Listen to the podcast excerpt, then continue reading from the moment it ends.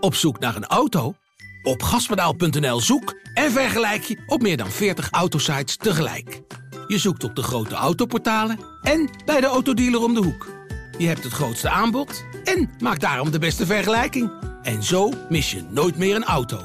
Zoek en vergelijk op gaspedaal.nl. Dit programma wordt mede mogelijk gemaakt door Campina, trotse partner van NOC NSF. Dit is Tita Tokyo, de Olympische podcast van het AD.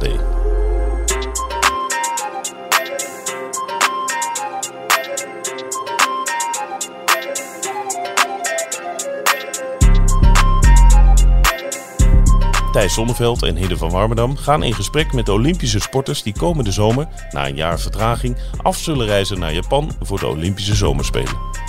In deze aflevering spreken we Noeska Fontijn. Boksen gaan we het dus over hebben. De Spelen moeten voor Fontijn haar laatste kunstje worden. Alles en iedereen moet aan de kant voor de vice Olympisch kampioen en de vice wereldkampioen in het halfzwaargewicht. Volgende maand in Parijs moet zij zich definitief zien te plaatsen voor Tokio. We beginnen met 10 stellingen waar Fontijn alleen met ja of nee op mag antwoorden.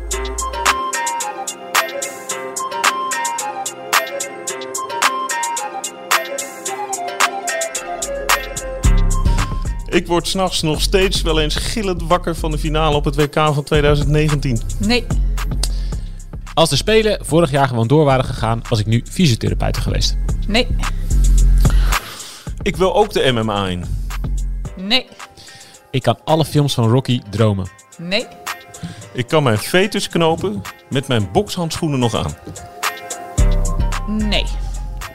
Stiekem train ik nog steeds het liefst in mijn fietstunneltje. Nee. Ik hoop dat ik Lauren Price in de finale van de Spelen tref. Prima. Ja. Ik sla mijn tegenstanders het liefst knock-out. Ja. Al die gewichtsklassen, allemaal onzin. Doe er gewoon eentje. Nee. En de laatste, ik heb, met een kroeg, ik heb in de kroeg ook wel eens iemand voor zijn kanus geslagen. Nee. Wil je nog ergens op terugkomen? Eh, nee, ik wil toelichten dat ik wel ja, veel kan met mijn bokshandschoenen aan, denk ik. Daar word je wel handig in. In de ring van de bidonnen en zo eh, bijna vullen of je haren bijna goed doen. Maar veten strikken is denk ik net een stap te ver. Heb je het wel eens geprobeerd? Nee. Vandaar dat ik even moest nadenken. Ja. We kunnen het straks even proberen. ja, wil je het straks proberen? Prima. Nou, graag. Ik ben heel benieuwd.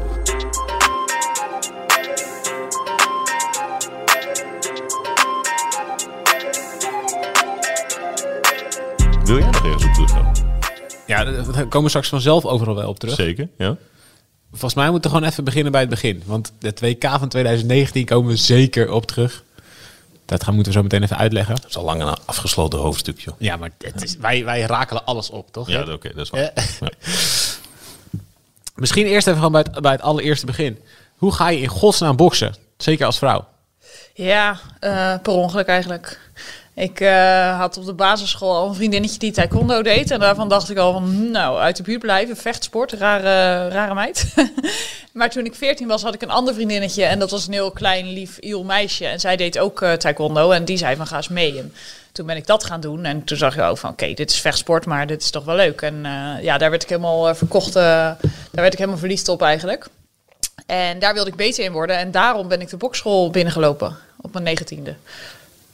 Maar je deed eerst taekwondo, of niet? Ja, en daar wil, ja, het was niet mijn idee om over te stappen. Want ik dacht dat boksen, ja, dat doe je dan alleen maar met je handen. En dat is saai, want taekwondo is met je handen en je benen. Ja, dat is natuurlijk allemaal uh, onzin. Maar ik, ik ben niet de bokschool binnengelopen om, uh, om bokser te worden eigenlijk. Was je goed in taekwondo? Ja, ja. Had je de autospelen mee kunnen halen? Nou, dat weet ik niet, want je hebt daar twee verschillende bonden. En ik zat uh, bij de ITF en uh, Olympische bond is WTF. Dus dat is ook wel een heel ander spelletje. En ik uh, deed het wel aardig, maar ja, binnen die bond had je zoveel verschillende vertakkingen... dat je dan, ja, dan kon je Nederlands kampioen worden of, of zoiets. Maar de week daarna dan werd iemand anders Nederlands kampioen. Dus ik kan daar niet zoveel over zeggen. Zo, ja, zo spannend was dat niet. Wat trok jij dan aan in vechtsport? Want als je gewoon even, even het, het, het algemene het etiketje, hè, vechtsport, ja, ja, ja. voor die agressievelingen die ja, zich ja. afreageren. Ja, nee, het, het, trok mij helemaal niet aan. Ik, ik rolde erin en toen kwam ik ja, bij dat boksen, toen bleek ik daar goed in te zijn. En uh, Ja, uiteindelijk vond ik dat spelletje wel leuk. Bij de eerste training op zaterdagochtend tussen allemaal oudere mannen met een bierbuik en zweet en zo. Dat was helemaal niet zo leuk. Maar ik had heel veel, heel veel pijn in mijn arm. En ik dacht, ja, het, zal wel, het was wel een zware training, dus het zal wel goed zijn geweest. Daarom ging ik de week daarna weer. En toen was mijn huidige trainer daar. En die zei van, hé, hey, uh, kom eens hier en uh, laat eens zien, dus wat voor. Wil je wedstrijden doen? En toen ging het super snel. En uh, ja, als je iets goed kan, dan, ja, dan is het natuurlijk leuk.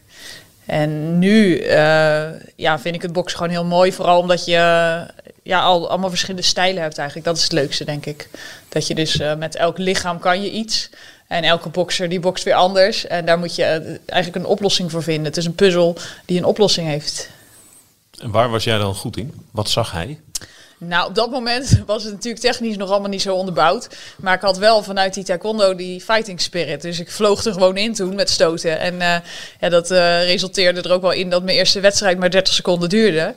Nou, als ik dat nu terugzie, denk je van Jezus, wat ben je aan het doen? Maar ik rende erin. Weet je, ik was niet bang. Dat was, dat was het grootste wat hij zag. Ze is niet bang. Ze krijgt klappen, ze komt weer naar voren. Maar 30 seconden omdat jij neerging? Of nee, nee, tegen... nee. Tegenstander gooide de, ring, uh, de handdoek in de ring. Na 30 seconden? Ja. Help, mag ik weg hier? Ja. vertel eens even hoe dat ging. Jij, jij ja, ik erin, stik zenuwachtig. Die wedstrijd in uh, Appingedam. Dus drieënhalf uur in de auto, geen woord Hoe lang gezegd. je toen?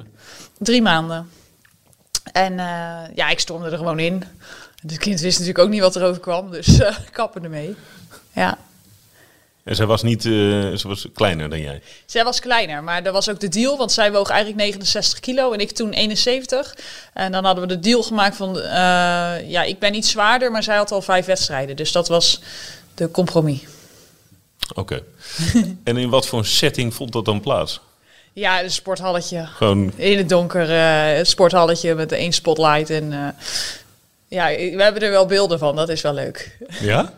Kijk je er nog eens terug? Nee, ik, uh, het is op uh, DVD of zo. Ik, moet, ik zou wel eens moeten zoeken, maar ik vind het mooi dat het er wel is. En hoeveel jaar geleden is dit? Uh, 13, denk ik. 13. Maar je had toen wel ervaring met wedstrijden in taekwondo? Ja, maar dat was anders hoor. Want dat, uh, ja, dat was allemaal een beetje ongeorganiseerd. En kwam je dus gewoon met heel die sportschool binnen. En uh, ja, soms moest je op de weegschaal. En soms dachten ze, nou, het is allemaal wel goed. Uh, je gaat gewoon in de klasse waar je hebt ingeschreven. Dat werd er niet gecontroleerd. En ik weet wel dat we dan een hele dag eigenlijk in die sporthal hingen. En dan werd er op een gegeven moment omgeroepen van welke klasses er aan de, uh, aan de, aan de beurt waren. En ja, dan ging je eigenlijk zomaar vanuit het niks zonder warming-up ging je dan die mat op. En dus het was een beetje anders dan ja, nu bij dat boksen. Dat was veel professioneler. Het is ook één op één, maar dat in die ring was dat is al anders. Ja. Uh, ja. dat was natuurlijk toen een sportzaal met allemaal matten en er gebeurde van alles tegelijk. En nu heb je een ring en er is één partij bezig.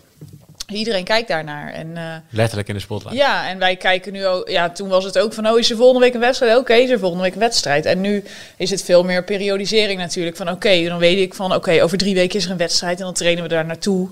Uh, ja, en zo'n wedstrijddag ook, die deel je helemaal in. En die warming-up begint uh, drie kwartier van tevoren, altijd op dezelfde manier.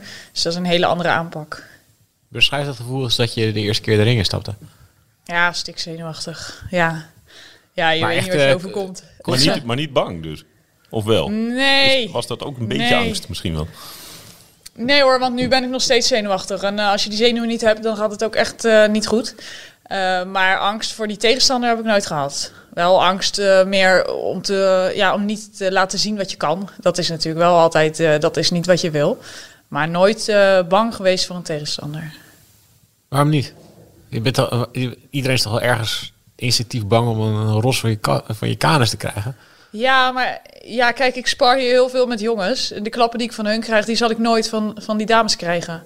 En uh, ja, je hebt gewoon, je bent goed voorbereid. Je hebt vanaf het begin al goed geleerd, oké, okay, verdediging, nummer één, goed jezelf kunnen verdedigen. En als je bezig bent, je voelt die klappen amper. Daar ben je echt niet meer, niet, nee, dat gaat niet, uh, niet in je om.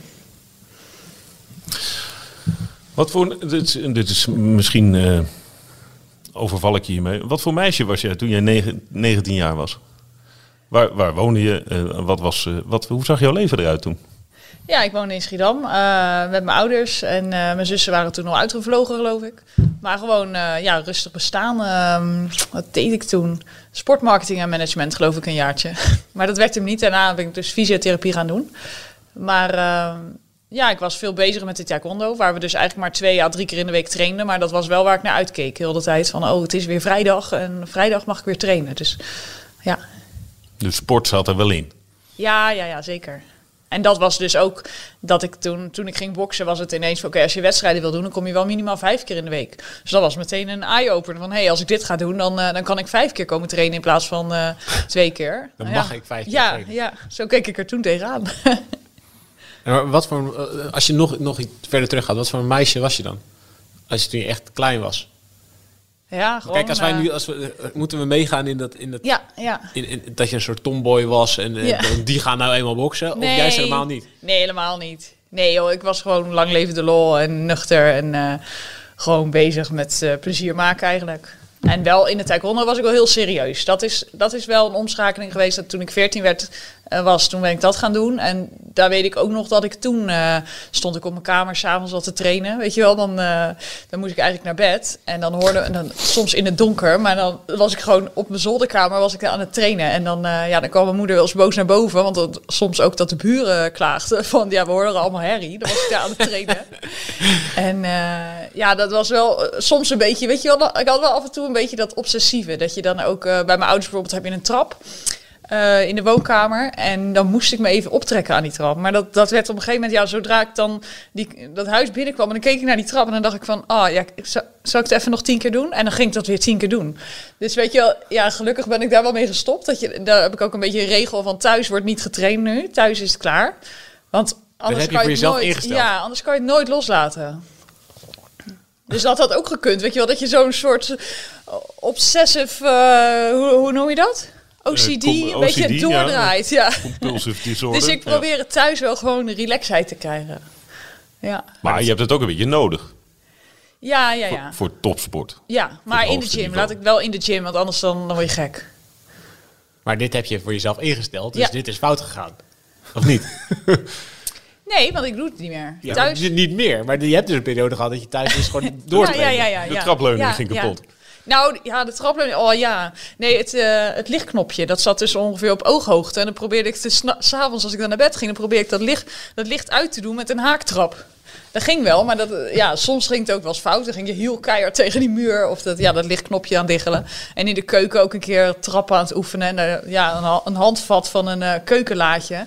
Ja, de handvat eraf, teen aan het bloeden. Wel, dat soort situaties kwam wel eens voorbij. Wat vonden je ouders ervan? Eh, nou, de taekwondo vonden ze allemaal nog leuk. Dat vonden ze allemaal prima. Toen ik ging boksen, vonden ze niet zo nodig. Dat, nee, dat was wel even een next step. Maar wel grappig dat ze eigenlijk na die eerste wedstrijd ging goed. De tweede ging goed. De derde was toevallig in Delft, weet je wel, dicht bij huis. En toen eh, kwamen ze maar eens kijken. En ja, mijn vader die vond het allemaal wel wat eh, makkelijker dan mijn moeder. Die, eh, ja, mijn moeder wilde eigenlijk echt niet kijken in het begin. Maar ja, ze merkte gewoon dat het heel vaak goed ging. En ja, dat ik het ook wel goed kon. En inmiddels, ja, denk, ja, zo grappig. Ze, ze zijn mijn grootste fans en ze gaan altijd overal mee als het kan. En eh, ja, is grappig dat ze ook een beetje een mening krijgen over boxers en over hoe ik box. Weet je, dat ze zeggen van nou, dan, dan heb ik een wedstrijd gehad. En dan, wa- ik vond het dan niet per se mijn beste wedstrijd. En eh, mijn coach soms ook niet tevreden. Maar dan krijg ik van hun appjes van ja, dit was echt een hele goeie. Dan, je, wel, dit deed je goed en dat deed je goed. En, dus dat is mooi. Maar ik moet nog even terugkomen trouwens op mijn, eh, op mijn obsessie en dat ik thuis niet mocht trainen. Want ik heb het dan toch, gaat het nog wel eens fout. Ja. Als ik dan denk aan wat er dan eh, toen is kapot gegaan van die lichtknopjes en die handvaten in de keuken. Dan moet ik wel even zeggen dat wij al een half jaar geen eh, overdeur meer hebben omdat ik op een woensdagavond na de training nog iets probeerde. Eventjes in de keuken nog even eh, lopen schaduwboksen. En toen kwam mijn elleboog tegen die keukendeur, tegen die deur van die oven. En die is in 10.000 stukjes gebroken. En die oven, ja, die, die deur die bleek ook nergens meer te bestellen. Dus we hebben al een half jaar geen overdeur. Maar verder wordt er thuis niet getraind. Je kan, je kan Tenzij, ja, kan lasagne weer maken. ja, ja, ja, in de, we hebben gelukkig een combi-magnetron, maar ja, het is een beetje treurig. Je elleboog heeft dit wel overleefd. Ja, ja, ja, gelukkig wel. Dat had ook nog fout kunnen gaan. Even een potje schaduwboksen. ja. Maar vanaf het moment dat je dan die, eh die, die boksporten, je begint het leuk te vinden, die wedstrijden, je, je ouders accepteren het. ja. Ehm, wanneer komt dan de gedachte aan de topsport? Ehm, Of gaat dat nou, misschien in Nederland wel heel snel? Ja, nou, het was 2008, 2009 en toen uh, kwam er wel eens, uh, ging ik wel een beetje de grens over. En dat ging niet in één keer goed, maar dan uh, won ik een keer en dan verloor ik een keer. En toen in 2010 werd ik uitgenodigd door een Zweedse Anna Laurel. Zij was wereldkampioen geweest en toen lang eruit geweest door ziekte. En zij uh, had mij zien boksen en zij dacht van dat is een leuk opwarmetje voor mijn comeback. Dus zij dacht van nou dan nodigen we die uit. Dus ik mocht, uh, het was eigenlijk Zweden tegen Engeland, maar de Engelsen hadden geen goeie. Dus werd ik gevraagd uh, om dan voor, ja, eigenlijk een beetje voor Engeland uit te komen. En nou, ik vond het natuurlijk een super grote eer dat ik werd gevraagd door een wereldkampioen om daarheen te gaan. En alles werd betaald. En dat was helemaal uniek. Dat je denkt, zo, ik mag daar gewoon heen. En een super chic hotel, alles goed geregeld. En dat was gewoon helemaal nieuw voor me. En uh, die wedstrijd ook, ja, er werd natuurlijk al vanuit Nederland gezegd van nou, het is leuk uh, dat je wordt uitgenodigd. En ja, ze gaan natuurlijk niet winnen, maar het is wel leuk. Het is wel leuk voor zo'n tripje, weet je wel. En, uh, maar ik won die partij, want ik gewoon helemaal niet bezig was met ook winnen of verliezen. Ik was alleen maar bezig met zo, dit is tof dat ik hier sta, dat ik tegen wereldkampioen mag. En ja, elke klap die je eigenlijk uitdeelt, die is een daalder waard. Dus dat was eigenlijk meer genieten. En toen kwam ik terug in de hoek na die uh, laatste ronde. En toen zei een assistentcoach die we vanuit uh, ja, daar eigenlijk ter plekke uh, hadden gevraagd van kom, kom er even bij staan. Die zei van nou het moet wel heel gek zijn gelopen, wil je dit niet hebben gewonnen? Nou, dacht ik wat? Wat zegt hij nou? En ja, mijn hand omhoog en bokser van de avond. En dat was wel zo'n moment dat je denkt, oh wacht, als je net een wereldkampioen verslaat, dan, dan is er misschien wel wat mogelijk. En wat zei zij? Wat zij zei, weet ik niet. maar ze, ze zal niet blij zijn geweest. En ik heb er daarna echt nog een stuk of vijf, zes keer verslagen. Dus nee, ik ben niet haar favoriete tegenstander. Had ze anders in gedachten? Ja, zeker. Hoe, hoe lang duurde het voordat je Nederlands kampioen was? Um, nou, je hebt natuurlijk allemaal verschillende klassen. Je hebt nieuwelingen, B-klasse, C-klasse, dat soort dingen. Dus dan uh, ben je bijvoorbeeld Nederlands kampioen C-klasse. Dat was al snel. En in de A-klasse was er niet altijd een tegenstander. Dus um, dat durf ik niet precies te zeggen. Ja, maar, je was wel maar in Nederland heb je niet zoveel tegenstand inderdaad. Dus dat was snel geregeld. En uh, na die partij tegen die Zweedse hadden we dat jaar een WK in Barbados in 2010. En uh, daar mocht ik aan meedoen. En toen kwam ik gelijk bij de laatste acht. Dus toen had ik geen medaille, maar wel een A-status. Dus toen was het ineens, oh, oké, dan, uh, ja. ja. dan kan je echt fulltime gaan sporten. En het jaar later was, was er een EK in Rotterdam. En daar pakte ik mijn eerste medaille dan op zo'n toernooi. Ja, en toen ging het eigenlijk allemaal heel, ja, de goede kant op. Ben je wel eens knock-out gegaan? Uh, half. Beetje raar antwoord, maar niet in een wedstrijd, maar in een training uh, op een vrijdagavond. Laatste rondje van de avond. We hadden altijd op vrijdag uh, sparringstraining, 10 keer 3. En het was het allerlaatste rondje. En er is een jongen uit, uh, ja, die woont ook gewoon in Schiedam. En hij deed geen wedstrijden, maar hij had het wel gekund. Hij was wel een goede jongen. En wij hadden altijd iets. Ik heb niet zo vaak iets met iemand, zo'n beetje zo'n zo'n wrijving of zo. Maar met hem was het altijd een beetje van, ja, jij één harde en dan krijg je hem terug ook. En nu dus laatste rondje, echt, ik denk nog 15 seconden te gaan. En ik kreeg een knal van hem. En ik weet gewoon dat ik nog dacht van, laat ik het nou? En is het een weekend? Of pak ik hem terug? En dacht, nee, ik pak hem terug. En mijn coach Abdul, die, die zag het gebeuren. Die zei, het was eigenlijk een goede actie. Je, je, je stormde erin, zoals ik wel eens doe. Um, maar hij uh, deed eigenlijk uit blinde paniek. Hij uh, stak zijn arm uit en ik liep daar keihard tegenop. Dus uh, doen. En ja, dat lichtje was, was bijna uit. Ik lag niet op de grond, maar ik ving mezelf eigenlijk op op mijn handen, op mijn knieën. Stond ik zo voorover gebogen. En ja, toen was het wel eventjes, was het even van, wat, waar ben ik, wat is er gebeurd? alles was weg. Dus handschoenen uit en Abdul zei, ga maar zitten. En um, even, even niks. Maar ik wist niet of wij naar die sportschool waren gekomen met de auto of met de fiets of wat er nou gebeurde. Ik moest janken gewoon uit het niks. Gewoon, ik weet niet wat dat allemaal was, maar toen was ik wel even ver heen. En uh, hij zei ook van nou handschoenen weg, pak je tas en ga maar douchen. En hij wees die gang in. Dus ik liep die gang in, maar ik wist helemaal niet waar de kleedkamer was. Weet je, dat je denkt, ik ben hier, ik ben hier elke vrijdag, maar ik weet niet. Uh, het is dat hij wees daarheen en dan liep ik maar achterna. Dus ja, dat... Uh, ja, dat stukje kwam gewoon nooit echt meer terug. Maar um, gelukkig is dat maar één keer gebeurd. Want dat moet ook niet uh, al te vaak, denk ik. Nee, ik wil zeggen, is het eng? Nou, uh, ja, nou ja, eng. Uh, je ziet je achteraf. Maar... Ja, achteraf denk je van, het is gewoon iets wat je niet wil. Dat je hersens eronder lijden. En, maar goed, verder nooit gehad hoor. Dus ehm, klop het even af. Maar ben je er niet, is, het niet een, is dat een angst? Dat je inderdaad, dat je hersenschade, of het nou klein of groot is Ja, nou, nou niet een angst waar ik dagelijks mee leef. Maar het is wel de bedoeling dat, het, dat ik straks nog gewoon een leuk leven heb. En dat ik gewoon door kan. Dus ik heb in 2016 een hersenscan laten doen ook, na Rio. Omdat ik eigenlijk moest besluiten, ga je door? Ga je dan nog vier jaar door? Of ja, ik wist niet dat het vijf jaar werd. Maar, um, en toen ben ik dus ja, bij de huisarts een verwijzing gaan halen voor, een, voor zo'n scan. En die huisarts die zei, ja, ik vind het leuk wat je, wat je wil doen, maar het is net alsof er nu een roker bij mij aanklopt. Dan zegt, maak eens even een scan van mijn, van mijn longen. En als het dan goed is, dan kan ik lekker doorgaan met roken. dus ik snap hem ook wel. Maar het was voor mijzelf een beetje van, oké, als ik dit nu al een jaar of uh, acht doe en het gaat zo goed, dan kan ik er nog wel vier jaar aan plakken. Dus er was toen niks te zien. En uh, we trainen wel verantwoord, moet ik zeggen. Altijd kappen op, goede handschoenen. Tegenstanders uitkiezen waarvan je weet dat ze je niet alleen maar tot moes willen slaan. Want het is natuurlijk, als je een man van hetzelfde gewicht pakt, dan kan hij je zo, uh, weet je wel, op kracht ga ik natuurlijk niet winnen. Zijn er vrouwen die het kunnen? Die wat kunnen? Die jou een knock-out kunnen slaan?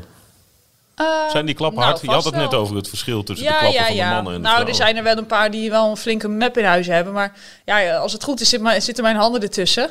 Dus uh, dan krijg je hem nooit vol. Maar uh, ja... Maar mocht die vol zijn, dan... dan ja, weet je wat het is? We hebben goede handschoenen en we hebben die kap op. En we hebben ook in het Olympisch boksen wel dat de scheidsrechter er snel tussen zit. Dus het is niet vaak dat het één klap is en dat iemand gelijk knock-out is. Dat, dat gebeurt niet zo vaak. En maar als je het profboksen in zou gaan, ja. dan gaat de kap af, toch? Dan gaat die kap af en vooral worden die handschoenen veel kleiner. Die handschoenen zijn echt loeihard. Dus dat is vaak 8 ounce en de rondes worden langer. Dus je, ja, je wordt vermoeid, je handen gaan omlaag. En daar loeren ze ook. Het tempo ligt vaak lager, dus ze loeren echt op die knockout. Dus dat is wel een stukje van een ander spel. Ja. Maar is dat wat je weer houdt om dat te doen? Want er is wel meer geld te verdienen, neem ik aan, of niet? Um, ja, meer geld. Ik denk, er ligt niet direct een pot met geld klaar uh, als je prof wordt. Je moet dan vaak eerst opbouwen. En dat doen ze er best wel lang over. Dat je bijvoorbeeld eerst 10 of 20 wedstrijden gewoon uh, ja, met mindere tegenstanders pakt. En daar, daar vang je niet veel voor. Maar ja, als je uiteindelijk echt doorstoomt naar de grotere bonden, dan uh, ja, op de grote events komt, dan zal er wel geld liggen. Maar, maar dat... is het aanlokkelijk ergens? Heb je erover nagedacht? Uh, niet lang, want ik ga het niet doen. Net als wat ik zei, van bij de taekwondo had je die verschillende bonden. En uh, ja, daardoor was het nooit, vond ik dat ik nooit echt... Uh, ja, je, kon dan Nederlands kampioen worden, maar het had geen waarde voor me. Want ik dacht, ja, er loopt er nog één. Die is volgende week ook Nederlands kampioen. En dat is bij die profbonden natuurlijk ook zo. Want ze hebben allemaal verschillende bonden. Dus dan, ja, ik ken, ik ken amateurboxers die het eigenlijk in het amateurboksen niet haalden. En ze worden prof en dan zijn ze binnen een jaar of binnen twee jaar zijn ze Europees kampioen. Ja. Van een bondje? Ja, van een bondje. Dus dat zegt mij niks. Dat heeft geen waarde voor me. En uh, het, is ook, het is ook gewoon wel met, met die handschoenen inderdaad. De klappen gaan harder aankomen. En is het dan niet een keer genoeg, dan uh, ja, ik vind het mooi zo. Vind je die kap niet wel... Vind je het ook wel eens jammer dat die kap op is? Nou, het is jammer omdat je een beetje identiteit verliest, zeg maar. Dat mensen niet goed kunnen zien. Ja, het blijft uh, een beetje te veel rood tegen blauw. Ja, kan. Maar uh, ik heb wel een aantal keer mijn wenkbrauwen open gehad. Omdat er dan een uh, kopstoot of een elleboog tegenaan kwam. En die kap die werkt vooral daar wel tegen. Als je die net boven je wenkbrauwen hebt, dan heb je minder vaak dat je koppen tegen elkaar komen bijvoorbeeld. Ja. En uh, ja, dat zijn blessures waar je niet echt vrolijk van wordt. Dus doe mij die kap maar. Ja, geen probleem. Nee. en, en, en MMA dan? Want dat is dus...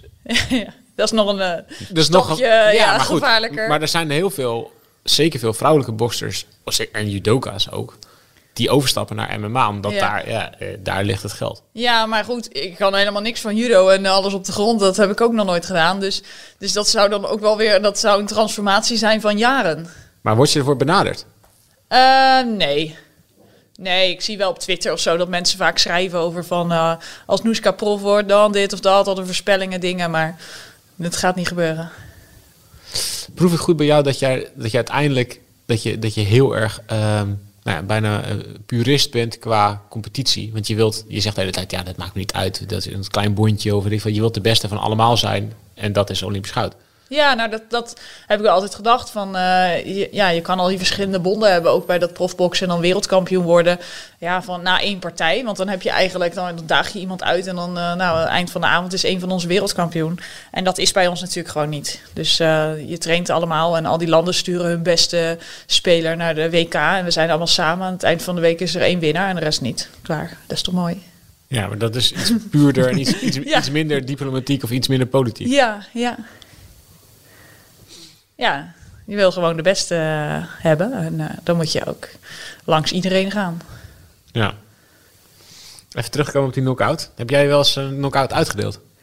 Uh, nou, ook niet echt met boksen in de ring wel met die taekwondo-tijd nog. Toen uh, had je soms de best of de best.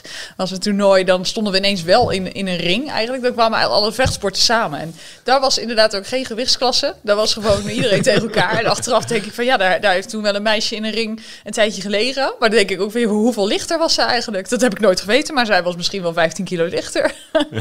ik denk, ja, de regels daar waren gewoon allemaal een beetje, uh, een beetje soepel en... Uh, maar bij ons, bij, ik zeg nu bij de Olympisch boksen, er wordt gewoon sneller ingegrepen.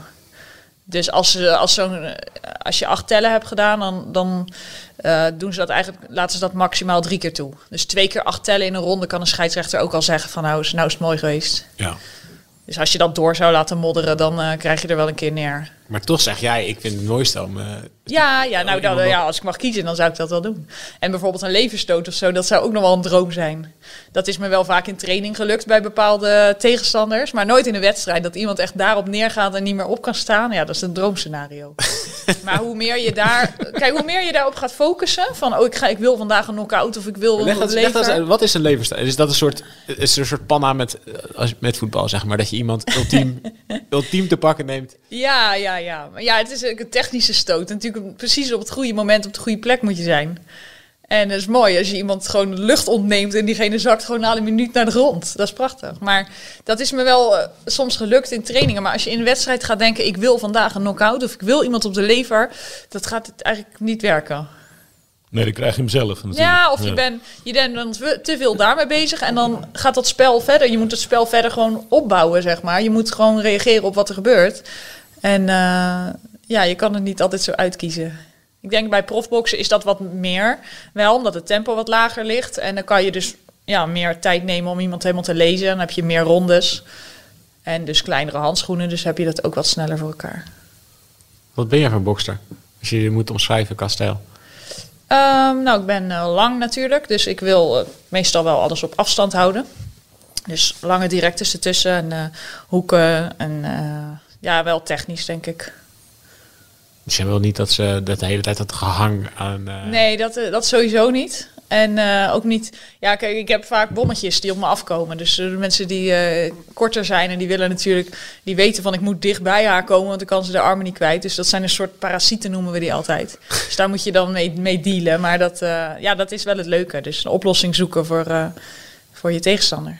Dat gehang. Ja. Dat moet ook een keer afgelopen maar dat zijn. Is, dat is voor om te kijken minder leuk. Ja, toch? Nee, daarom, ja, om op te de box kijken. ook. Op de box ook. Ben jij ook een hanger? Uh, niet expres, maar dat gebeurt wel eens. En um, soms hangen mensen aan mij, letterlijk. Um, en dan, dan is het soms wel omdat ik iets fout heb gedaan. Dus zij doen het wel uiteindelijk, maar ik had het moeten voorkomen, zeg maar zo. Ja, oké. Okay. Je moet ze op afstand houden. Ja. En als, uh, ja, als ik bijvoorbeeld uh, te hoog stoot of zo, of over een schouder, dan, dan val ik er overheen en dan pakken ze mij vast. Maar dan had ik natuurlijk uh, sneller moeten stoten en sneller moeten uitstappen, dat soort dingen. Zijn er veel die net zo groot zijn als jij in jouw klasse? Jawel, jawel. Er zijn best wel wat. Uh, wat hoe, hoe, hoe lang ben je? 1,80. Dus ik ben niet de allerlangste en dat zou ik ook niet willen zijn. Ik vind het prima zo. Maar er zijn er nog wel een paar die een stukje langer zijn. En dat is grappige, dus als ik dan tegen iemand box die dan weer langer dan ik is, dan ben ik ineens diegene die, die dichter op moet en die het op kracht moet, uh, moet gaan winnen. Dus ja. dat is leuk dat je soms ook moet schakelen. Eigenlijk dat, van dat is die puzzel. Ja, een ja. soort gedaanteverwisseling eigenlijk. Van oké, okay, nou is zij langer, nou moet ik degene zijn die, uh, die dichtbij komt en met hoeken haar eruit probeert te knallen. Want die kleintjes die zijn vaak nog gespierder. Nee, die zijn vaak dik. ja, ja maar, ja, maar dat is gewoon 75 kilo gaat nog. Maar we hebben bijvoorbeeld, we hebben nog een categorie hierboven, 81. Ja, vind mij eens een vrouw van 81 kilo die echt is afgetraind. Dat is niet vaak. Ja, die moeten heel groot zijn, bedoel je? Ja. Wat weeg Dus- jij? Ik weeg gewoon 75 kilo. 75. Maar ik bedoel, als je korter bent, ja, dan, dan, ja, dan moet de, le- de lengte of uit de breedte komen. Ja, dan komt het dus er vaak zit uit wel de breedte. vaak wel een beetje, een beetje vet bij. Moet je moeite doen om die 75 te halen? Nee, nee, ik zit altijd wel, eh, wel goed. Eh. Dus je hoeft niet te gaan uh, hardlopen nee, in een uh, nee. Nee, laatst had ik een toernooi, toen zat ik een beetje op het randje. Dat heb ik eigenlijk nooit eerder gehad. En dat is gewoon wel vervelend. Dat je, want uh, je kan thuis mooi op gewicht zijn, maar thuis eet je precies. Je weet precies wat je eet en je weet hoe je traint en je weet wat er gebeurt. En dan ga je dus naar het buitenland en dan heb je een hele dag reizen en dan krijg je daar eten. En dan heb je het niet meer zelf in de hand, weet je. Dan, dan ga je na zo'n reisdag op de weegschaal en dan is het ook ineens, oh, 76,5. Dan, ja, dan moet er anderhalve kilo, weet je wel, dan moet, dan moet het er toch weer af. En dat is niet lekker eigenlijk als je dan ook moet gaan slapen en eh, de wekker eerder moet zetten, want die weging is altijd om 7 uur s ochtends. Dus dat je dan de wekker om 6 uur moet zetten om te kijken van oké, als het dan nog een paar ons boven zit, dan moet ik nog maar even gaan touwtjes springen of een warm, warm bad nemen, dat soort dingen. Dat is uh, niet echt een lekker begin van je wedstrijddag. Rennen met een, uh, met een, ja, met een regenpak. Ja, ja, met een zweetjas. Ja. ja, gebeurt veel hoor. Alleen uh, ja, wel ook denk hoe lager je in de gewichtscategorieën zit, hoe erger dat is eigenlijk. Want, ja, dames van 51 kilo die dan nog 52,5 wegen en al heel de week niks eten, dat, uh, dat is minder fijn. Maar er zit bij jou dus wel comfort. Ja, prima. Ja. ja, als ik te zwaar ben, heb ik het gewoon, uh, dan heb ik het gewoon zelf uh, verziekt eigenlijk hoor. Dat, het is niet nodig om dat ik moet aftrainen daar. Maar moet je ook echt rekening houden dat je uh, bijvoorbeeld geen vezels eet en zo de dagen daarvoor? Nou, dat is, ja, dat is wel, uh, als je op dat randje zit, dan is dat wel lastig. Want normaal weet je natuurlijk van, oké, je moet uh, juist dit en dit en dat eten en bruin brood en dat soort dingen. En veel water drinken, weet je, allemaal gezond. Maar in de laatste 24 uur voor die wedstrijd of zo, dan moet je inderdaad wel gaan schakelen, weet je. Dan, maar het is altijd lastig. Want denk ik, ja, dan eet ik geen vezels, dan gaat alles verstoppen, weet je. Dan, dat schiet ook niet op. Dus het is altijd een beetje kiezen of delen. Maar gelukkig heb ik daar dus niet veel mee te maken. En ik moet gewoon zorgen eigenlijk dat je thuis vertrekt op, uh, op 74,5, op gewoon 75 kilo. Dan komt het wel goed daar. Ben je wel te zwaar geweest? Nee. Wat gebeurt er dan eigenlijk? Dan nee, dan doe je niet mee. dus wij hebben vaak zelf een weegschaal mee. En dan ga je altijd eerst op je eigen weegschaal. En je hebt in dat hotel altijd een testweegschaal, waar ook gewoon vaste regel is: eerst daarheen. Uh, want als je op die officiële weegschaal gaat en je bent te zwaar, dan doe je niet mee. Dus dan, uh, dat is wel heel serieus. Eens dat je er één of twee ons boven zit. Net even verkeerd gekeken. Ja. Net de verkeerde jam gepakt. Ja, ik heb net nog even een slokje water genomen. Ja, maar het is, dat luistert heel nauw dan. Ik had het dus dat laatste toernooi ook, dat je dan op die weegschaal gaat. Ja, dan 75-0 of 75-1. Weet je, dan blijft hij heen en weer. Dan denk je, ja, dat kan ik niet maken. Dus dan ik toch maar... Uh, toch maar weer even trainen nog. Ga je nog even thuis springen? Ja, en ik, uh, dat gaat er wel zo af voor. Zo, uh, ja. Hm. In welke mate heb jij, uh, zeg even de afgelopen tien jaar of ietsje meer, in welke mate heb je je lichaam zien veranderen? Wel, ja, positief, positief zien veranderen wel. na, na een jaar of vier, denk ik, ben ik krachttraining gaan doen bij Hans Kroon in Rotterdam. En uh, ja, dat, dat is gewoon een hele zware fysieke training, waardoor je natuurlijk wel verandert. En dat merkte je vooral aan, ja, dat er ook, uh, ja, ik ging ook beter op mijn eten letten en zo. En dan merk je gewoon op een gegeven moment, weet ik nog, dat ik tegen een stoel ging zitten. En dat ik dacht, huh, je voelt gewoon je botten, je spieren tegen die, tegen die stoel, in plaats van misschien een isolatielaagje nog eroverheen. Maar um, ja, daar blijft het wel bij. Verder uh, niks spannends. Maar je bent in verhouding sterker geworden? Ja, zeker. Ja. Ja. ja, als ik beelden, beelden terugkijk, dan zie je die eerste periode zie je nog niet zoveel vorm. Weet je, dan zie je daar ook gewoon, ja, je lengte hou je natuurlijk wel, en het gewicht is ook niet veel veranderd. Maar dan uh, zie je het van de eerste jaren, zodat bijvoorbeeld op je schouders zat daar nog wel een laag, dan zag je daar niet echt definitie. En uh, ja, een paar jaar geleden was ik wel wat lichter, denk ik. Misschien maar één of twee kilo, maar dat zie je dan ook wel een beetje in je bewegingen. En uh, ja. Vind je het mooi? Ja, maar. Maar je hebt wel eens tegen mij gezegd, ja, maar ik, ik, ik zou wel eens een hempje aan willen. Ja, nou, dat doe ik ook wel gewoon hoor. Dat doe ik ook wel. Dat heb ik ook gewoon wel aan in de zomer. Maar uh, het is wel grappig dan als je... Ja, als het gewoon bloedheet is, dan heb ik ook gewoon uh, shirts zonder mouwen aan. Maar dat, dat, daar krijg je verder niet veel reacties op. Totdat je een keer boodschappen gaat doen of zo. En twee zware tassen loopt, de code spieren. En dan, dan, uh, dan denk je, oh ja, dan, dan, voel je wel soms een beetje de hulk zo die door, de, door Schiedam loopt. Maar even met die gewichtsklasse. Ja.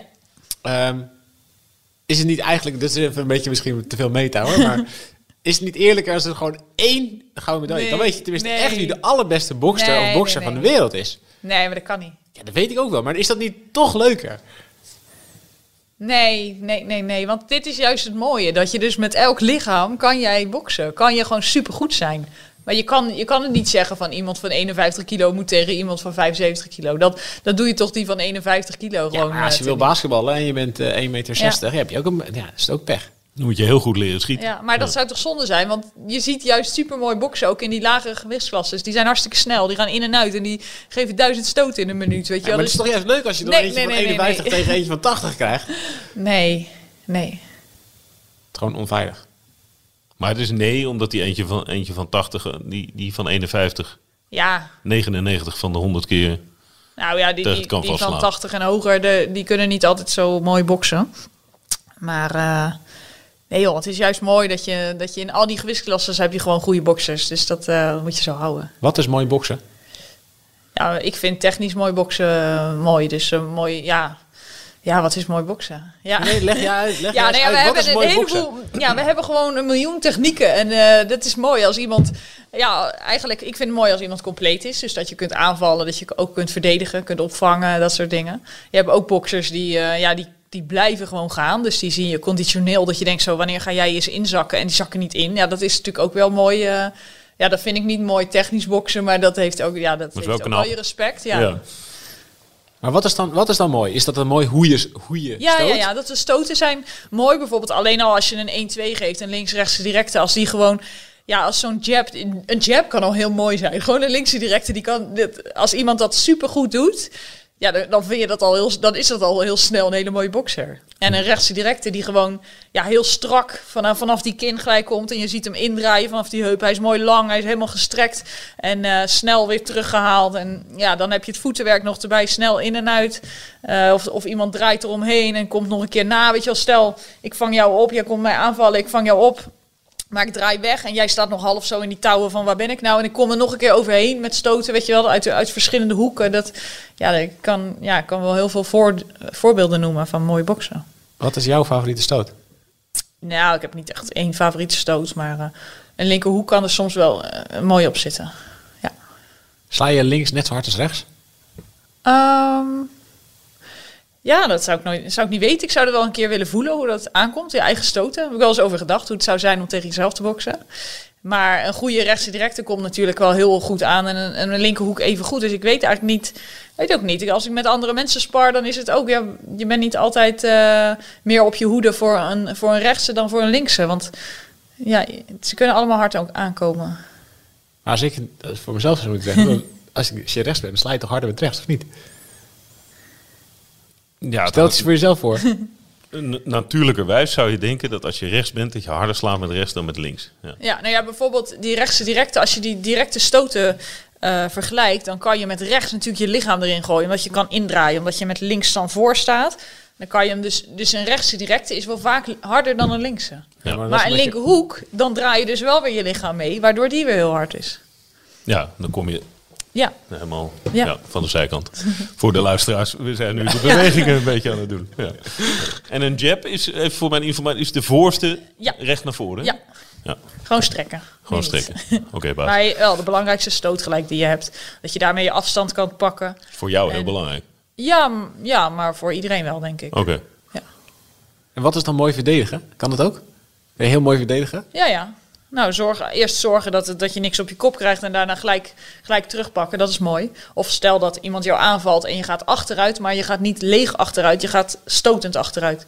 Stel, jij, gaat, jij komt mij aanvallen en ik kom met die linkerhoek, stap ik naar achteren. En als we daar dan zijn, dan gooi ik die rechts kom jij in. Dat is mooi. Ja. Ja. Heb jij een combinatie van een wedstrijd die, die je bij is gebleven?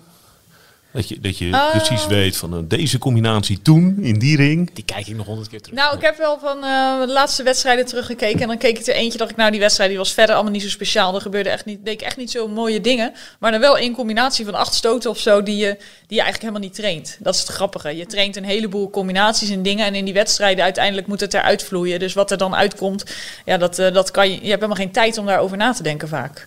Dus dan zie ik daar een combinatie van acht stoten, van één hoog en een twee. En dan denk ik, dit, dit heb je echt nooit geoefend. Maar goed, prima. Als het er zo uitkomt. Dan, het is een beetje intuïtief natuurlijk. Je, ja, je probeert een andere stoot te ontwijken en gelijk na te komen. Dus er is ook niet echt een goed en fout dan. Als jij het aan elkaar combineert, ja prima. Als het op die andere hoofd belandt, niks mis mee. Nee.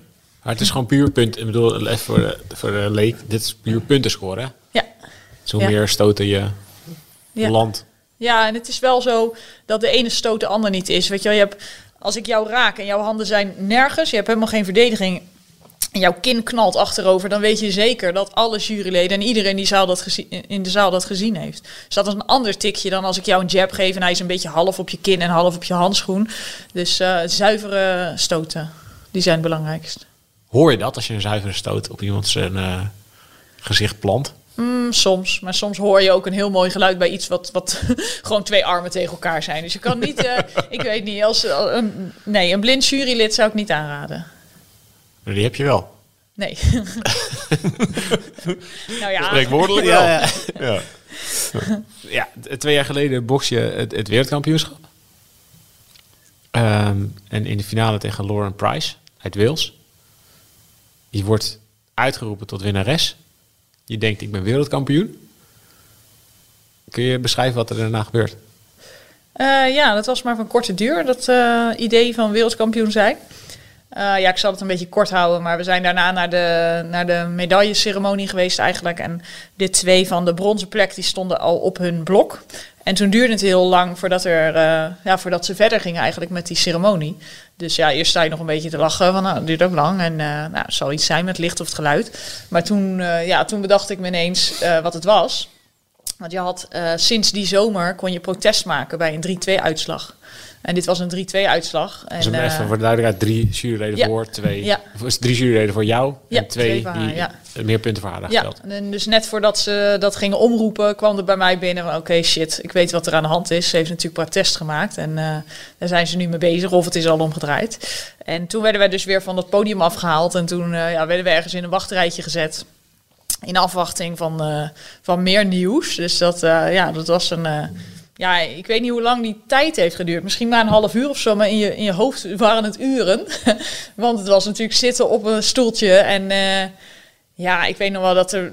Ja, we zaten nog in wedstrijdkleding, want je wordt vrij snel na die partij al meegenomen. Van ja, je moet zo uh, naar die ceremonie. Dus je kon helemaal niet meer naar andere mensen. En ik wist dus niet dat de coaches al lang ondertussen achter de schermen bezig waren met, van, met die problemen die er waren. En wat moeten we doen en hoe kunnen we hier nog iets in sturen en wat, uh, wat is er gaande. En ja, verder was er ook niemand om mij heen, geen teamgenoten. Weet je, ik zag mijn vader en Jemima dan helemaal aan de andere kant van de, van de zaal zitten. En uh, ja, ondertussen kreeg ik het ijskoud, omdat je die natte kleren hebt. Maar ook gewoon van de stress, gewoon van dat je weet uh, van ja, dit gaat helemaal fout hier. Dit gaat helemaal de verkeerde kant op. Dus dat was echt een, uh, ja, een avond dat je denkt van wat, wat, een ellende. Het was gewoon echt diepe ellende. En uh, ja, uiteindelijk uh, ja, heb ik aan zo'n chaperonne gevraagd... Van, mogen wij niet even naar de kleedkamer? Want ik moet gewoon kleren aan. Ik moet gewoon eten, drinken. ja, haal me weg hier. En toen waren we in die kleedkamer. En toen kwam het moment dat, je, ja, dat ik haar hoorde schreeuwen een, een vreugdekreet van dat ik dacht, oké, dan... Bij de buren. Dan weet ik nu hoe laat het is. En ja, dat, ja, bizarre avond. Die staan nog wel goed op een net, netvlies. Dat je ook de coaches terug ziet komen uit, uh, uit, uit dat hokje. En uh, ja, je ziet hun kijken van hoe gaan we dit er vertellen. Maar ja, ik wist het al, dus ik zei uh, stil maar, ik weet het al. Ja, ja toen was het, het was over. Het rare van deze kwestie is, is dat je op dat besluit weer geen protest mag aantekenen. Nee. Toch? Ja, die regels die, die waren gewoon kort daarvoor veranderd. En uh, ja, dat is dan even aan het begin van het toernooi toegelicht. Van dan en dan, ja, oké. Okay. Uh, ja, het is bizar. Want achteraf uh, hadden wij protest moeten aantekenen. Op, ja, ondanks mijn winst bijvoorbeeld. Ja, omdat, zoiets. omdat het geen 3-2 ja, is. Ja, ja, Dus nou ja, het, uh, ja, kijk, ik heb die partij niet heel vaak meer teruggekeken. Want uh, dat is ook zoiets, daar kan je dan ook weer in blijven hangen. Dus ik heb, uh, ja, je hoort van alle kanten van je bent bestolen en uh, jij hebt die partij gewonnen. En ik heb hem thuis één keer teruggekeken en nog één keer met Abdul en toen gezegd, oké, weet jij zeker dat ik heb gewonnen? En toen zei hij ja. Toen heb ik ook gedacht, oké, dan, dan kijk ik die partij ook niet meer, dan is het klaar. Weet je, ik heb gewoon gezegd, weet je het duizend procent zeker? Ja, ik weet het duizend procent zeker. Oké, dan, dan, dan sluit ik dat hoofdstuk. Want je kan, je kan natuurlijk nu ook nog elke dag die partij gaan terugkijken en daar dan weer wat van vinden. Uh, maar dat, dat was gewoon klaar. En uh, ja, daarna is er natuurlijk nog wel iets geweest van procedures of we via het kas konden of ja, nog protest konden aantekenen. Maar ja, dat, ja, dat leek eigenlijk een kansloze missie. En hoe, hoe, graag wilde je dat? Hoe graag wilde, was je na afloop nog op zoek naar gerechtigheid? Nou, niet zo eigenlijk. Enerzijds dit is, wel. Dit is, de, grootste overwinning, zou het zijn in je carrière. Wereldkampioen. Ja. Nou, die komt nog, hè? Nou, de grootste, de grootste komt nog. ja, nee, ik had al twee keer zilver. Dus je was niet op zoek naar nog een keer zilver. Zilver, tevoren... zilver op WK's, zilver op de Spelen. Dus dit was, dit was eigenlijk de. Ja, ja. En aan de andere kant weet je het ook niet. Hè? Want uh, eigenlijk op voorhand als je, ja, als je nog een zilveren medaille erbij zou kunnen hebben, dan, uh, dan ben je daar natuurlijk normaal gesproken ook wel blij mee. Want je kan er ook de eerste. Kijk, mensen denken soms dat het altijd maar uh, weer goed gaat dan. Weet je wel? Dan, oh, ze gaat weer naar een WK. Welke kleur zal ze nu pakken? Dat is natuurlijk niet zo. Het kan ook wel eens. Er was eigenlijk sprake van. Ik had een blessure aan mijn pols. Er was, er was een moment dat we dachten: misschien moet ik deze maar overslaan. Misschien moet ik een operatie doen aan die pols. Zodat ik op de Spelen volgend jaar er weer sta ja, uiteindelijk uh, nou, je gaat wel weer en uh, trainen, doortrainen. En dan ga je daar naartoe. Maar je kan er ook gewoon de eerste ronde uitvliegen. Dus dat je dan, ja, weet je, dan word ik ook wel eens wakker halverwege die week. Dat ik denk, huh, weet je wat, staat nou toch weer in de halve finale. Weet je, hoe krijg je het nou weer voor elkaar dat je daar toch weer staat? En ja, dan sta je ineens ook weer in de finale. Maar ja, dan ben je zo dichtbij natuurlijk. En dan, uh, ja, dan weet je ook van, we, ja, we, we zijn aan elkaar gewaagd. Dat was, ik had een keer nipt van haar gewonnen. En zij had een keer nipt van mij gewonnen. Dus je weet al van het ligt dicht bij elkaar. Je, ja, je kan alleen maar je best doen. En als je dan denkt dat je genoeg hebt gedaan voor die winst, dan is het wel zuur als dat weer uh, teruggedraaid wordt. Had je in de wedstrijd het gevoel dat je aan het winnen was? Ja. Wist je Ook de afloop zeker? Uh, nee, want dat kan je niet echt zeker weten. Maar ik kreeg het wel vanuit de uh, hoek ook elke keer te horen. En ik weet nog dat haar coaches in de derde ronde zeiden, die zijn Engels, dus die praten het liefst zo hard dat al die juryleden dat horen. Zo denk ik, en in de wedstrijd hoor ik dat dus ook. Don't give it away, don't give it away. En het enige wat ik toen dacht, what don't give it away? Je hebt het niet, weet je wel, je, er valt niks weg te geven. Maar dat weet ik ook gewoon, dat zij dat soort dingen zeggen. Ja, om, om, anderen te manipuleren, weet je wel. Dus, uh, maar ik weet nog dat ik in die wedstrijd gewoon heel stellig dacht van, wat zegt die vent? Weet je wel? Maar ja, je, je moet je daardoor ook niet door laten leiden. Je moet gewoon op je eigen hoek vertrouwen natuurlijk. Maar wat hebben zij dan na afloop gezegd of gedaan dat het dat dan een jurylid is, is omgedraaid? Ja, zij moesten. Uh, zij konden dus, kijk, omdat het 3-2 was, ligt het heel dicht bij elkaar. Dus al die juryleden geven elke ronde uh, hun scores door. Dat is dan 10 uh, voor de winnaar en 9 voor de verliezer in dit geval. En uh, zij konden dus heel makkelijk zeggen van oké, wij vinden dat die of die scheidsrechter in die ronde een verkeerde beslissing heeft gemaakt. En dat was dus één heel klein puntje, moest worden omgedraaid, was, dan had ze, had ze het al voor elkaar. Ja, maar dan moet je toch, dan kan je toch net zo goed gaan kijken naar. Ja, maar, naar, naar heel de wedstrijd. Ja. Dat, was, dat, is, dat is het punt van ons geweest. Van ja, uh, je had heel die wedstrijd moeten terugkijken. Want het is heel makkelijk om nu te zeggen van. Ik vind ja, het daar in, of daar niet in, in ronde twee, ja. twee stoten en dat draaien we om. Ja. Maar goed, ja, ja joh dat was op een gegeven moment wel een gesloten hoofdstuk. Dat je denkt van oké, dit gaat niet meer veranderd worden. En op een gegeven moment was het nog uh, van ja, maar uh, ja, die, die, uh, die uitslag gaat niet veranderd worden. Maar misschien kan je nog wel die of die een soort van aanklagen. Want die hadden anders moeten reageren. Weet je wel, dan dat, dat, ja, denk ik ook, ja, dat, wat heb je daar nou mee? Weet je wel. Ja, wat heb je daar nou mee? Dat je misschien wereldkampioen... Ja, nee, nee, nee, maar de uitslag was op een gegeven moment al duidelijk. Dat gaat hem niet meer worden. Maar ehm, ja, ik weet niet precies hoe dat is gegaan, maar de Boksbond heeft dus ook uh, juridische hulp geroepen van dan weer van bijvoorbeeld een firma die niet eigenlijk op tijd heeft gereageerd. Die, ja, die moet natuurlijk bij dat kas moet je binnen zoveel dagen of zo, uh, of binnen zoveel uur zelfs iets doen. En maar ja, dus op een gegeven moment is dat ook klaar. Dat je denkt, ja, als ik nu een, een ja, een brief thuis krijg van je bent nog wereldkampioen. Ja, van harte gefeliciteerd, ja, mevrouw ja, Fontijn. Ja. Nou ja, er staat wel gewoon een... Ja, ja. Nee, het is goed staat wel een gouden eentje op Wikipedia. dat is ja, ik zou dat wel lekker vinden. Er staat nu wel een tweetje, maar ik heb die zilveren plak dus ook nooit gehad. Dat is ook wel mooi. Want ik ben helemaal niet zo rebels, wat ik net zei. Van als in mijn jeugd ook gewoon uh, vrolijk en blij en maakt het allemaal uit. Helemaal niet zo moeilijk, gewoon meegehaald. Weet je, ik heb niet eens overal mening over. Net dat kiezen tussen ja en nee, denk ik al, nou, uh, weet ik. Ja, wat maar, overdreven. Uh, maar nu was het dus wel het punt dat ik dus op, die, op dat podium, achter dat podium had gestaan. Op die eerste plek.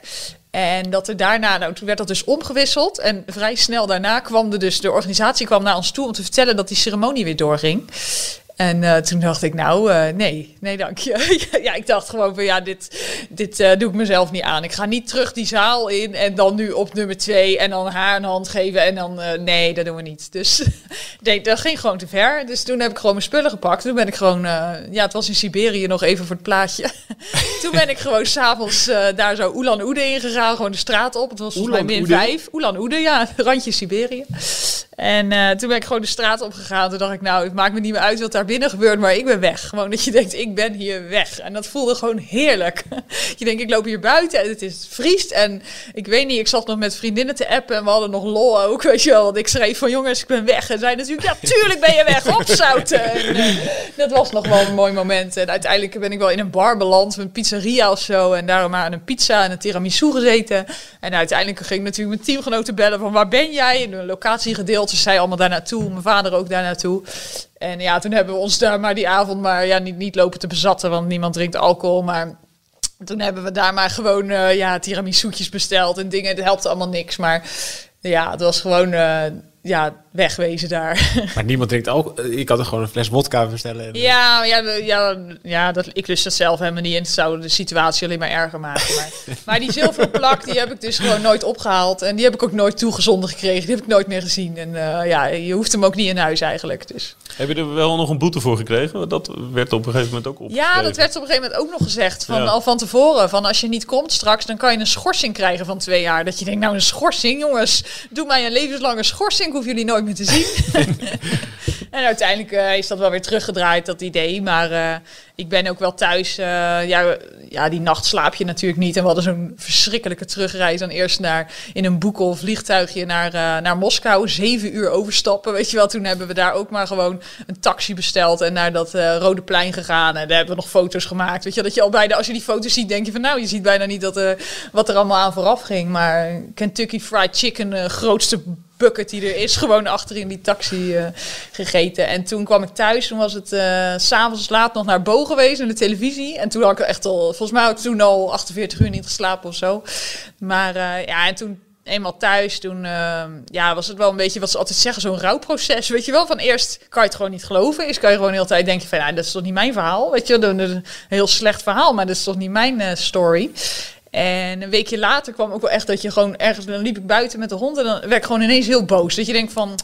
Oh, gewoon heel zagrijnig ineens, weet je wel, dat allemaal. En ik zou een paar weken later met mijn moeder op vakantie gaan. Maar ik heb wel tegen haar gezegd, mam, ik heb volgens mij uit Rusland al gebeld. En mam, we gaan nu. We, dus we zijn gewoon gelijk gegaan. We hebben die tickets omgeboekt. En we zijn gewoon, ik ben toen drie weken naar Vietnam geweest. Dus dan heb je wel lekker gewoon afstand. Dat je gewoon denkt van, zoek het uit allemaal met je boksen. En uh, dat was wel mooi. Dan, ja, dan maak je gewoon mooie dingen mee. Je bent natuurlijk weer in de zon daar uh, vakantie, dus prima. En uh, ook gewoon eigenlijk drie weken amper over gehad. Gewoon één keer gewoon toevallig met een paar andere backpackers. Maar verder dat je denkt, nee maar dit, dit is helemaal niet gebeurd. Hmm. en het mooie was ook wel weer, dat was ook mijn gelukje wel weer om, om gelijk weer te gaan boksen. Want ik kwam terug en um, toen zouden we een week later tegen Kazachstan boksen in Rotterdam. Daarom zou ik pas vijf weken later op vakantie gaan of zo. Omdat ik uh, eerst die, wedstrijd had. Maar nu dacht ik, ja, ik ga gewoon nu weg. En dan verlies ik die partij en sta ik daar helemaal ja, zonder conditie. Maakt mij het uit. Uh, ik ga weg. En, uh, maar nu kwam ik dus terug. En toen moest ik gelijk trainen. Want een week later had ik die wedstrijd. Dus gelijk hier op Papenal waren, was een sparringsweek. En toen stond ik gelijk weer in Rotterdam in, met Team NL in, ja, in een mooie gala.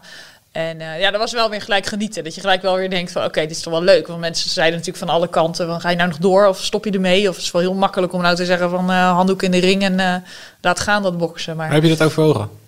Nee, nee eigenlijk niet. En vooral omdat ik dus, wat ik zeg, die week daarna in die ring weer stond. En dat ik dacht, ah, dit is toch ook leuk. Het is toch ook maar zonde om er dan nu mee te stoppen. Dus ja, gewoon het spelletje is te leuk. En ehm, ja, je kan gewoon nog even door. En het is wel een topsportleven, wat natuurlijk wel een heleboel leuke dingen ook met zich meebrengt. Dus ja, dit was wel even een uh, flink dieptepuntje, maar... Waar heb je ondertussen bij neergelegd? Kijk, kijk, er is een periode geweest dat je de Spelen van Rio verloor van Clarissa Shields, ja. als ik het goed zeg. Die was ook, ja, dat heb je toen wel eens verteld, die was ook echt wel beter. Had je toen het gevoel... Ja. En dacht je van, nou, dat is echt iets waar ik, te, ja, niveau waar ik tegenop moet kijken. Ja, en, ja, dat was gewoon prima. Ja, dus dan kun je misschien wel ja, meer vrede hebben met de na beste van de wereld zijn. Ja, zeker. Oh, ja, vergeleken met nu. Ja. Of niet? Ja, zeker. En ehm, aan de andere kant heb ik ook, denk ik, ja, stom is dat. Maar aan de andere kant zou ik helemaal niet, ik hou helemaal niet van de status. Ik zou helemaal niet de status, weet je wel, de sticker wereldkampioen, dus daar zou ik helemaal niet weer willen lopen. Waarom niet? Dat is heel gek. Ja, omdat je dan alle, dat je dan, omdat het dan alleen maar kan tegenvallen. Weet je, dat heb ik gewoon met, met sparring of zo, dat je dan, ja, stel die of die, die, die timmetje in elkaar, ja, jezus, jij bent toch de wereldkampioen. Weet je, die sticker, die, die wil ik helemaal niet. Dus ja, dat vind ik ook wel weer grappig dat zij die sticker heeft en zij die druk. En uh, ik wist natuurlijk ook van, we gaan elkaar weer een keer tegenkomen. En dat was wel uh, dat je denkt van, oh, dat ik, eerst kon ik me na die WK kon ik me wel even niet indenken dat ik ooit weer mezelf in die bokswereld zou terugwerpen, snap je? Dat ik al die mensen, dat ik, ja, zo, zo voelt het dan, dat je denkt van heel de bokswereld weet dat ik diegene was die dus dacht dat ze wereldkampioen was en toen was het niet. Weet je, dat ja. voelt heel ook, lullig. ook een sticker. Nou ja, maar dat voelt heel lullig. Alsof je, je kent allemaal wel dat gevoel dat iemand met een bos bloemen naar je toe loopt en dat je je armen spreidt en zegt zo dankjewel. En ze lopen langs je heen en de, oh, oh, dat was niet voor mij. ja, dat is toch lullig? Ja, dat is lullig. Dus dat idee had ik een beetje van hoe kan ik me nou ooit meer, ja, ik durfde gewoon niet die mensen onder ogen te komen. Eigenlijk dat ik dan van, oh, dan moet ik naar een toernooi en dan zie ik al die mensen en iedereen gaat daar natuurlijk over praten en iedereen gaat denken van zo, uh, ja, dat is die ene, weet je wel. Dus nou, zo voelde dat. Maar ja, gek genoeg uh, uh, groeide je daar ook wel weer in. Dan heb je een klein toernooitje en dan heb je weer mensen gezien en dan gaat zo door. En niemand, uh, ja, ondertussen beginnen de mensen er niet meer over, behalve jullie dan. maar, um, zie je. Maar ik wist natuurlijk wel, ja, ja, maar ik wist natuurlijk wel, van, er is een kans dat ik haar ooit weer ga ontmoeten in de ring. Nou, en dat idee, daar kon ik gewoon nog niet aan. Ik dacht, ik weet niet of ik dat aan kan, weet je wel. En toen, uh, nou ja, toen lag natuurlijk allemaal vorig jaar alles stil. En in november hadden we een toernooi. En nu in februari hadden we een toernooi in Hongarije. En uh, ik wist niet wie daar kwamen verder. En de eerste ochtend is die weging, om zeven uur ochtends. En de eerste die ik zie, gewoon de enige die ik daar zie, gewoon die, die kop van haar. Weet je ja, ik weet niet, mijn hart stond echt even stil. Het was echt even een shock van, oké... Oké, okay, dan, ja, dan, uh, dan gaan wij elkaar zeer waarschijnlijk ontmoeten deze week. En uh, ja, dat, dat, dat, duurde ook wel weer een paar dagen voordat ik aan dat idee was gewend. Want we waren wel. Uh, Zeiden jullie iets tegen elkaar toen jullie elkaar ontmoetten? Nee, niks. Niks. En ik zeg altijd, ik, ik, ik, heb, ik haat al mijn tegenstanders eigenlijk. Maar uh, ik zeg altijd wel, ja. Maar ik zeg altijd wel gewoon hallo. Maar dit keer, nee, er was niks. Maar dat kwam eigenlijk vanuit mij, want ik was gewoon in shock. Het was niet, het was niet uh, heel erg bewust. Maar goed, daarna hebben we natuurlijk ook heel de week niet gesproken. Want als je dat eenmaal één keer hebt gedaan, dan kan je niet de volgende keer nee. wel. Dus, uh, hey, hoi. dus nee, dat was gewoon pokerface en ik zie jou niet. Uh, en we hadden dus allebei zaten we aan de andere kant van de loting. Dus we hadden allebei nog twee partijen voordat we elkaar tegenkwamen. En het was voor mij wel goed om even aan het idee te wennen van oké, okay, het gaat er nu echt van komen. En ik heb wel die partij gewonnen. Dus dat was wel. Uh, niet zo'n beetje ook, toch? Ja. Dat was een duidelijke overwinning. Ja, ja, ja. Maar het was vooral in mijn hoofd had ik het wel groot gemaakt. Het was veel meer dan natuurlijk dan gewoon dat ene toernooitje in Hongarije waar niemand het meer over heeft. Maar het was wel natuurlijk in mijn hoofd was het gewoon uh, als ik nu win dan zie je wel, dan had ik gewonnen. Als ik nu verlies, dan is hij gewoon terecht wereldkampioen. En ja. dat slaat nergens op, want wat er toen in, in, Rusland is gebeurd, die partij die staat, die verandert niet meer. Maar zo voelde dat natuurlijk wel. Waarom dus, haat je al je tegenstanders? Ja, ja dat, ik denk dat dat een beetje nodig is. Dat ik dat in ieder geval nodig heb. Zit toch ook gewoon hele lieve meiden tussen? Ja, het zal wel, maar zodra ik dat toch ga denken, dan, uh, dan gaat dat mis. Dus, uh, dat heb je nodig? Ja.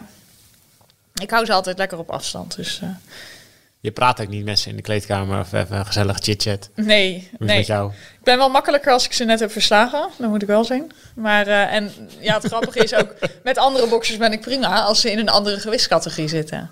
En nou heb ik wel eens boxers gehad die dan overstappen naar mijn categorie. En dat is altijd lastig. Want dan heeft zij nog de verwachting dat wij nog zijn. Weet je, dan, nee, nee. Nu dan weet ik ik wel van, ja, ja, maar dat gaat gewoon automatisch. Dat ik denk van, oh nee, het is nou, uh, ja, je staat gewoon in de weg. En... Uh, Nee, ik hou ze echt uh, het liefst heel ver weg. Doe je dan ook aan psychologische oorlogsvoering? Nee, nee, dat niet. Nee, ik doe niks van in het hotel. Dus ja, daar moet je ook gewoon relaxed lopen en dan gaan we niet uh, boze blikken uitwisselen. Doen anderen dat wel? Nee, en als ze het doen, dan is het meer een beetje zielig. Dan, uh, dan, ja, dan, dan, dan valt dat ook weer niet goed. Ik heb wel eens, uh, ja, in die ring heb je natuurlijk, je komt naar elkaar toe. Wij hebben niet zo'n face-off als bij uh, Rico Verhoeven en zo al een dag van tevoren. Dat je elkaar dan heel boos moet aankijken. Ja, maar dat is, dat is te veel. Ja, maar dat hebben wij niet. Maar wij hebben dus wel in de ring, je stapt de ring in, de scheidsrechter die, die heeft een verhaal waar niemand naar luistert. Maar op dat moment sta je even, naar, sta je even tegenover elkaar. En dan is het wel altijd van, oké, wat, wat, doet, wat doet zij, weet je wel? Iemand die probeert altijd, sommigen proberen door je heen te kijken. Dus die staren recht naar voren en die doen alsof ze je niet zien, alsof ze niks horen. En je hebt ook wel eens eentje tussen die heel zenuwachtig om je heen loopt kijken. En dan denk ik wel altijd van, oh, die is zenuwachtig, die heeft het niet. En dat is wel grappig. En uh, ik heb er ook één keer eh, eentje gehad en die, die was schil. Die was zo schil als wat. Dat je denkt zo. Dat ik, nou, en toen dacht ik gelijk, nee hoor. Nee hoor, meisje, dit wordt hem niet. Nee, dit wordt hem niet voor je vandaag. Klinkt bijna gevaarlijk, hè? Onderkoeld gevaarlijk. Ja. Nee hoor, meisje, dit wordt nee, maar dat, Nee, maar toen dacht ik, nee hoor, nee. Maar ja, verder, uh, ik probeer nu zelf, als ik tegenover ze sta, dan probeer ik gewoon bezig te zijn met wat ik straks moet doen. Want het leidt je alleen maar af. Je hebt van tevoren natuurlijk uh, ja, verzonnen hoe je die wedstrijd uh, wil gaan doen en ook vaak wel hoe je wil starten. En dan moet je niet dat je net voor die partij eigenlijk wordt afgeleid door van, oh kijk, ze, waar kijkt zij? Of ik ga zo, ik moet haar strak aankijken. Dus ik kijk er meer aan. Ik probeer te kijken van hoe hoog ze is. Weet je wel, waar, waar ik er nou straks ga raken. Oké, dan doe ik die jab op die kin en die rechts op die neus en weet je wel, meer zo. Nog één ding over die prijzen en dat, dat hele proces. Had jij na Hongarije eigenlijk een, definitieve afsluiting? Dat je dacht, oké, tot hier. Dat het ook niet meer... Nee, nee, nee. Nee. Nee, een definitieve afsluiting, uh, dat is misschien als je de allerlaatste keer je allerlaatste wedstrijd hebt gehad. Dan sluit je heel dat hoofdstuk af. En dan, ja, dan valt ook misschien de haat naar al die tegenstanders weg. Heb ik wel eens aan gedacht dat ik dan na mijn carrière, dat ik dan, leuk tv-programma, al zeg ik het zelf, dat ik dan met een camper door Europa rijd, al die tegenstanders even langs. Even zeggen van, joh meid, het was, uh, dat was, niet was even nodig. maar ik ben wel geïnteresseerd in verder hoe je hier... Weet je wat, waar leven zij dan allemaal? Dat is toch ook lachen? Zo'n Bulgaar en een Hongaar, weet je, wat, wat, wat doen zij nou allemaal? Maar wat voor situatie zitten zij, vind ik wel grappig. Zou ik willen zien. Ja. Zou ik willen maken. Ja, maar dat kan heel gezellig, maar nu, nu niet. Nu is het gewoon hallo en uh, doei en meer niet. Maar een van de stellingen was ook, uh, geef mij die prijs in die finale. Ja, nou ja, geef mij eerst die finale maar. Daar zou ik sowieso wel even voor tekenen. Ik moet eerst nog kwalificeren, dus ik moet eerst zorgen dat ik erbij ben. Nou, hoe gaat het daarmee? Want we gaan er nu vanuit dat je, dat je Tokio bereikt. En... Ja. ja, dat is mooi van jullie, maar... Uh, we, hebben gewoon, uh, we staan nog 0-0 en we zijn nog nergens. Dus, het is, uh, de situatie is nu dat het Londen, juni... Nee, Parijs geworden. Oh, Parijs geworden? Ja. In, wel in juni? Ja. Oké, okay, je moet nog steeds twee wedstrijden winnen? Ja, en dat is het, klaar. En dan is het echt definitief? Ja. Oké, okay. stel je wint die niet... Als ik die niet win, en dan Price wel. Price daarom. Dus je kan, ja, ze kan wel mijn grootste tegenstander zijn, maar het, ja, in een bepaald uh, systeem zou ze ook nog, uh, ja, zou ik er nog nodig moeten hebben. Als ik er daar uitvlieg, maar zij kwalificeert zich wel, dan kwalificeer ik me waarschijnlijk ook nog. Omdat ik dan nummer twee op de ranking sta. En als nummer één zich kwalificeert, gaat die laatste wildcard voor Europa gaat dan naar mij. Maar goed, dat zijn scenario's waar je eigenlijk niet aan moet denken. Dan ga je daarop uh, hopen. En ik moet gewoon zelf mijn ding doen. Maar het is toch geen onrealistische gedachte dat je dan in juni in Parijs twee wedstrijden wint? Nee, natuurlijk niet. Dat is niet onrealistisch. Maar het is ook realistisch om te denken dat het ook fout zou kunnen gaan. Dus ja. Ben je al bezig? Durf je al te denken aan de Olympische Spelen en hoe dat dan gaat? Of wil je eerst alleen maar ben ja, bezig? eerst het liefst alleen maar uh, die kwalificatie. Ja. Ik hou er altijd van om het in stapjes op te delen. Je weet niet wanneer de dag van de Olympische finale is? Nee. Ik weet wel dat er... We zijn nu op Papendal en ik zie nou net wel een bord hangen dat wij er 8 juli heen gaan als we gaan. Nou, dat is denk ik genoeg om te weten. Ik, uh, ja, ik ben bezig nu met een moodboard een beetje in mijn kamer.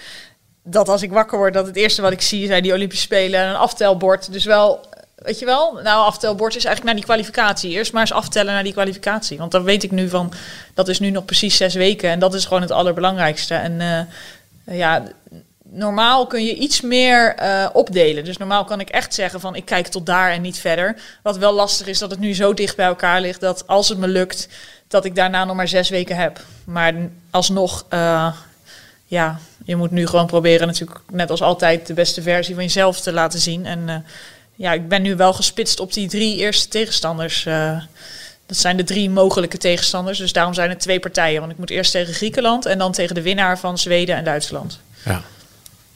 Dus die drie heb ik in mijn kop. En uh, ja, dan zeggen mensen ook van, en is Price daar dan ook? Ja, die is daar dan, maar dat interesseert me dus niks. Want mijn enige taak daar is Maakt niks om uit. dat ticket te pakken. Ja. ja. En uh, wat er dan daarna gebeurt, kijk, natuurlijk als dat zou lukken, dan dan weet je dat uh, de mensen die je, die je daarna moet verslaan ook op de Spelen komen. Dus dan vind je dat ook weer heel belangrijk. Maar als we even uitzoomen, is het enige belangrijke is daar dat ticket pakken. Je kan niet naar twee. Je moet je nog door boksen naar twee partijen. Ja, ja. Als je twee wint, kun je toch ook zeggen. Ja, ik ga naar huis. Polsblessure. Polsblessure. Ja, nou ja, dat weet je ook niet hoe dat uh, verder gaat. Uh. Maar dat is toch niet heel gek om te zeggen? Waar, waarom zou je die partijen dan boksen? Het is alleen maar, alleen, het is alleen maar voor het ticket. Ja, ja, maar goed. Het is, ja, je, ja, je, je kan, ja, het is wel een kans om ook tegen tegenstanders te boksen die dan ook dus naar de Spelen gaan. Maar die informatie te verzamelen. Ja. ja. andersom ook. Ja, maar...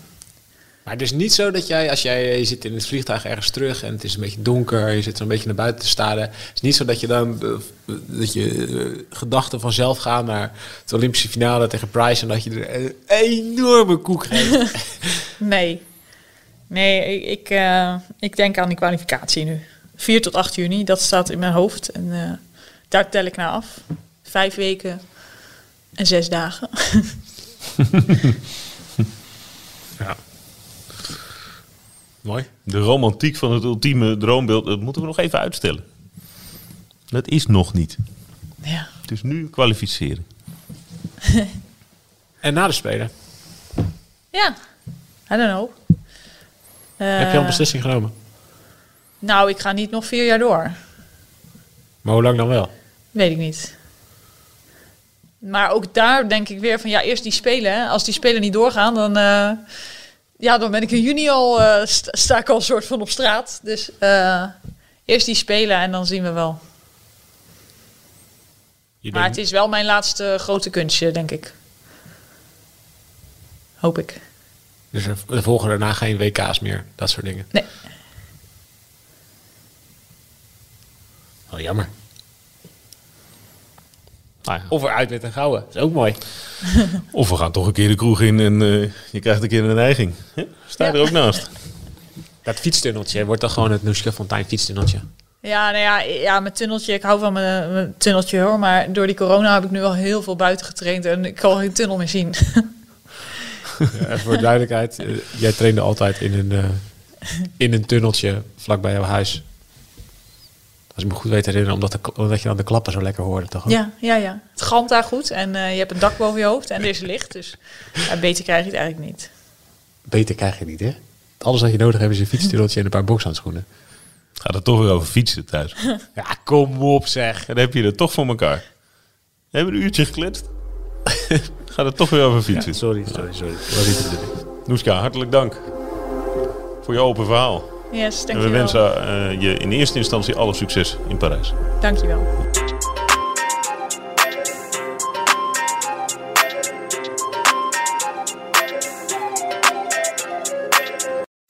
We worden dagelijks overladen met overbodige informatie. En het is moeilijk de zin van de onzin te scheiden. Daarom vertrouw ik op echte journalisten in plaats van meningen. Een krantenmens heeft het gemakkelijk. Word ook een krantenmens en lees je favoriete krant nu tot al zes weken gratis. Ga snel naar krant.nl. Bezorging stopt automatisch en op deze actie zijn actievoorwaarden van toepassing.